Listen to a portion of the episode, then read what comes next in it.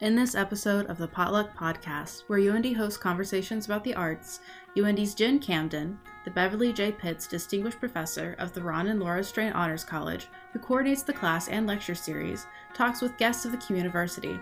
Jim Williams, an Associate Professor of History who specializes in medieval history, Molly Martin, Professor of English who specializes in medieval literature and culture, and Chad Martin, an Associate Professor of History who specializes in modern Britain. They discuss Ivanhoe and their lecture, Jews, Templars, and Saxons Ivanhoe's Imaginary Past. 2019 marked the 200th anniversary of Sir Walter Scott's Ivanhoe, a book Mark Twain blamed for starting the American Civil War. To celebrate this milestone, UIndy hosted Communiversity, a free online class. Students, faculty, staff, alumni, and the broader community were invited to explore this classic detective novel. We thank you for listening to the UIndy Potluck Podcast, which is hosted by students and faculty of the University of Indianapolis. We would like to thank our guests in the Shaheen College of Arts and Sciences. To learn more about the Potluck Podcast and hear other episodes, please visit etchings.uindy.edu forward slash the hyphen potluck hyphen podcast. Thank you for your support. Hello, I'm Dr. Jen Camden. I'm the Beverly J. Pitts Distinguished Professor of the Ron and Laura Strain Honors College and Professor and Associate Chair of English at University of Indianapolis. I also teach and coordinate the Communiversity course, which is an online book club course that brings together students, alumni, faculty, staff, and community members to discuss one classic work of literature each fall. In conjunction with that course, we organize a series of lectures and performances that are free and open to the public. And our discussion today is the result of the first of those uh, lectures for this academic year that brought together scholars from history and English to discuss the historical context and the historicity of Sir Walter Scott's Ivanhoe. So I will now ask them to introduce themselves in turn. My name is uh, Jim Williams. I'm an associate professor of history here and the executive director of the Strain Honors College. And my focus is in particular on medieval history, which is how I got drafted into this.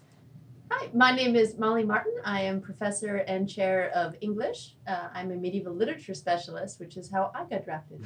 And I'm Chad Martin. Uh, I'm a professor in the Department of History and Political Science here, and uh, my specialty is modern Britain, which explains why I'm here. Great. Thank you all for agreeing to be here. And I wondered if we could start with a sort of general question, which is as you agreed to be here and to think about Ivanhoe from your different disciplinary perspectives did that prompt any thinking about how literature informs the study of history and how history informs the study of literature more broadly? Well, I think I have to answer the first part of that question rather than the second. Uh, I think uh, for me, it does cause a reflection to go back and, and look back and see, you know, I think every historian to some degree has to imagine the past because even though we work with evidence and we try and use evidence to, to demonstrate what it is that we try to reveal about the past, ultimately there has to be some imagination there because we can't know all the details and, and see everything that's there.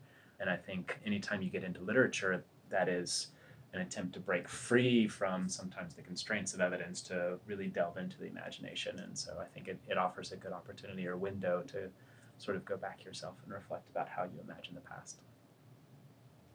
Well, I, I consider this might be uh, heresy in this room. I'm not sure, but I consider literature part of the historical record. I don't. Oh, I don't yeah. consider them uh, entirely distinct. Um, although the the fields are distinct in sort of how they do business and how they how they produce new information and understand the, the pieces of the past, whether you know wh- whether it's a piece of literature or something else. And, and I firmly believe we can't extract a literary piece entirely from its from its historical moment and its and its history from that moment of production to to the present time either. So Yeah, just to, I agree completely with what Molly just said. I've uh, assigned novels in classes before. When I was an undergrad, certainly I had novels assigned in my classes. Um, uh, the trouble is, I would, I would recommend to people who enjoy literature don't study history because because now I find it impossible to take off my kind of historian's hat whenever I'm reading literature. I'm always trying to see what it says, about the time period it was written in, and I sometimes just can't sit back, relax, and enjoy the ride. That's why I like science fiction. right. Yeah. Except I can tell you all about. I tell my students often how Star Trek reflects the '60s culture and Star Wars the '70s culture post Watergate, and so I can't even do that. Yes. There's no safe space. So, do you think our contemporary perceptions of the medieval period um, are Scottian? I'm thinking of Renaissance fairs or like medieval times banquets, the kind of popular version of medieval history and culture. Uh, are they indebted to Scott's version of medieval history and culture in Ivanhoe? I, I think there's definitely a part of that. There certainly, I mean, I think um, the medievalism that he's a part of kind of like re uh, reinvigorating interest in the medieval period um, continues from his time, and and his idea of what constitutes medieval, uh, rightly or wrongly, is still part of people's understanding of it. I think um, if you think about like medieval banquets and medieval fairs and stuff like that, you know, it, it takes me back to, in looking at the book, how much attention he paid to.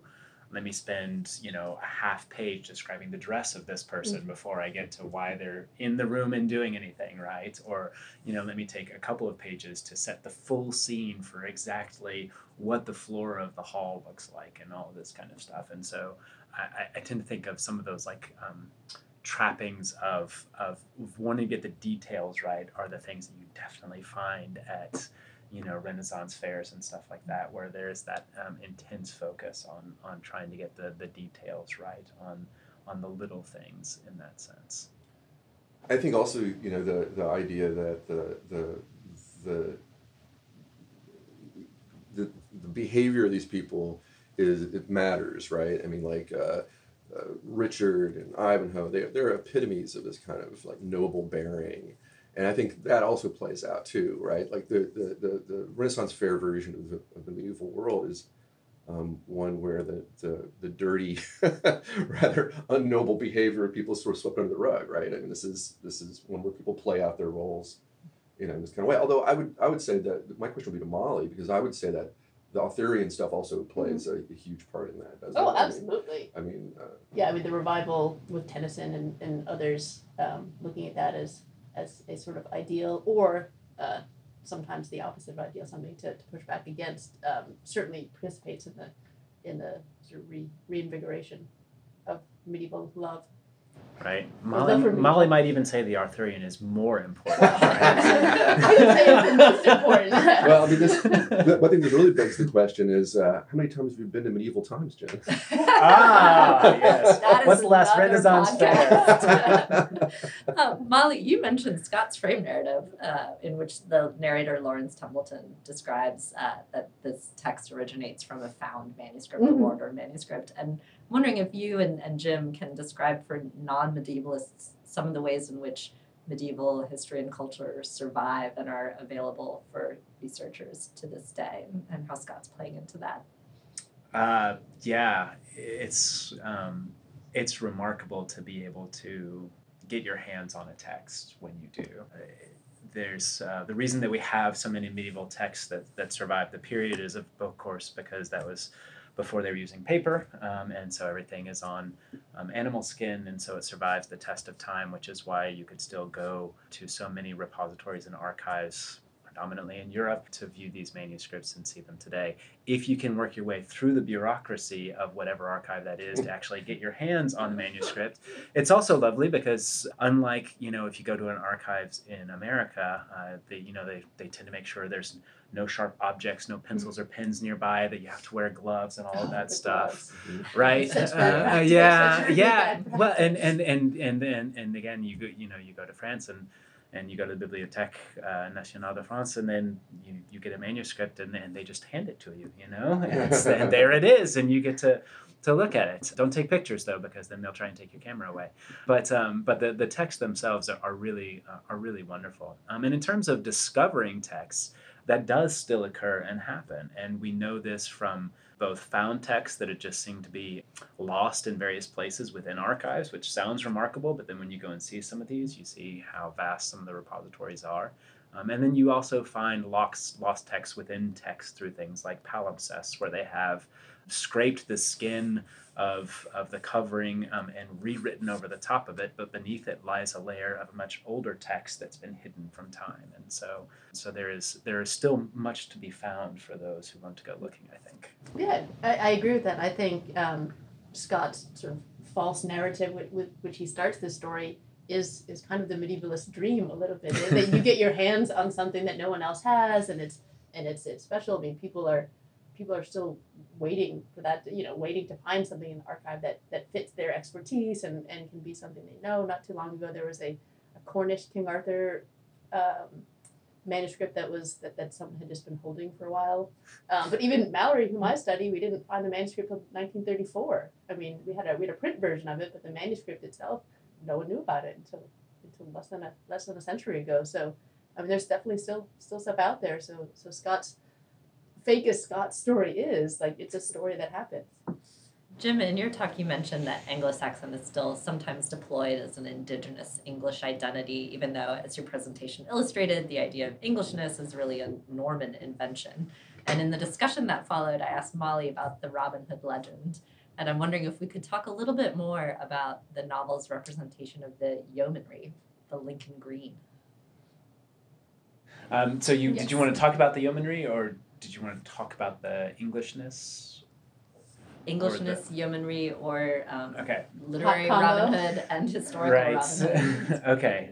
Uh, yeah. So in terms of you know what I talked about uh, in the talk previously, it was to try to set up, um, especially for for students who may not have the broad understanding of of the long Eng- English history, which goes on forever. There, yeah, there was no real sense of of definitive Englishness because it was a land to which lots of groups had migrated over time, um, and um, it finally actually began to come to somewhat of an end with the Norman invasion as being sort of the last hallmark of that, um, which is why it's difficult to sort of peg um, any um, Anglo-Saxonness as as an inherent sort of Englishness at the same time, but you do see it displayed that way. Um, in terms of how the um, yeomanry is, is presented in this, um, you know, I he, is correct in, in I think you know drawing a distinction between say language of the Normans who were used by the nobility um, and then um, the more common tongue by others. Um, uh, you know, he, he depicts the yeomanry, at, at least from my recollections from some of the stuff, you know, with Wamba and some of the others, as, as being kind of um, uh, a little surly, you know, um, uh, you know, uh, unmanageable it seems in some ways, which is has a very human quality to it. And um, I, I don't think there was anything in that that I saw that was um, uh, out of line necessarily with um, some historical perspective. So. Yeah, I'll get to the yeomanry in a second, but I want to pick up. You talked about the language that it talks about, and I, I continued every time it mentioned the um, the the English or the Germanic language. Uh, it, it called it manly, which was really interesting. And I think there was a, an intentional connection between the um, the idea of these this yeoman class or these sort of upstarts who are who are who are trying to get things done for for the right cause or whatever, um, and the idea that that's a manliness that's counter to slash alongside the chivalric man, uh, manliness or masculinity that's being um, expressed in the in the sort of Norman version of what it means to be a, a, a man and a noble man in particular. So I think there's this intentional uh, tension between those two um, that also plays out in the Robin Hood legend. Um, kind of, I don't know enough about the Robin Hood legend to, to speak with absolute certainty, but I think that's part of how where it comes from. This this tension between different ideas of what constitutes good, even. Molly, you talked about the way in which Ivanhoe maps onto the fair unknown tradition, and I think for the non-medievalists in the room, the fact that the fair unknown is a man was like, a, you know, you sort of saw the light bulbs go off. Um, so I'm wondering if if we can pick up on that. Do you know um, of any ways in which the women of Ivanhoe map onto medieval traditions, or is that a a more 19th century um, invention of Scott to play out the national drama through uh, marriage and female characters? Well, often the women in medieval romance in particular to, to catch on onto the, the genre that Ivanhoe's sort of glomming onto a little bit, the women often have a, a, a national identity that's part of why they're in the story to begin with, why they're marriageable pieces is because of whether it's national it is a is a term that doesn't quite make sense um, when you're talking about medieval anything. Um, but but the idea of, of an identity that's connected to a place, a geographically based identity, uh, there's certainly a degree to that um, that we see in in the women in, in Ivanhoe, much like in some slash much medieval literature. the women are very much a secondary piece of the puzzle. I think, um, even when they're doing really important things in the story, uh, they're often taking second uh, second place status. Um, so I think one of the things that's so interesting to me about Ivanhoe is the juxtaposition of Rowena, who has like all the things, right? The Saxon heiress, the beautiful woman who's the, the heir apparent to the Saxon line, um, with Rebecca, who has all the money but none of the things, right? Uh, as a Jewish character, she's sort of uh, outside of the realm of possibility for one of those uh, lineage matches. And so I'm wondering if um, guys, uh, Chad in his presentation reminded us of the massacre of the Jews in York in 1190, and that Isaac, Rebecca's father, is from York, and that's this kind of unstated context uh, in the novel. And so I'm wondering if we could talk a little bit about um, medieval attitudes towards uh, the Jewish people, which Jim touched on in his presentation, and then 19th uh, century debates about the Jewish question that might be informing Scott's representation. I I'll do the first part. You do the second. I guess. It works for me. All right. Yeah. Uh, so um, the time period that this is taking place is the one that is beset by a, a number of uh, troubling interactions between Christians and Jews. Um, crusades helps to ignite violence against Jews that's widespread across areas of Europe, and uh, that was uh, the case in England as well. Um, we also see that for a long time the church has tried to sort of ride this delicate balance between needing to keep the Jews around because they're necessary to be separated from Christianity until the second coming of Christ when they'll be see the folly of their ways and come into the fold of the Christian kingdom. This is medieval interpretation, just to be clear, right?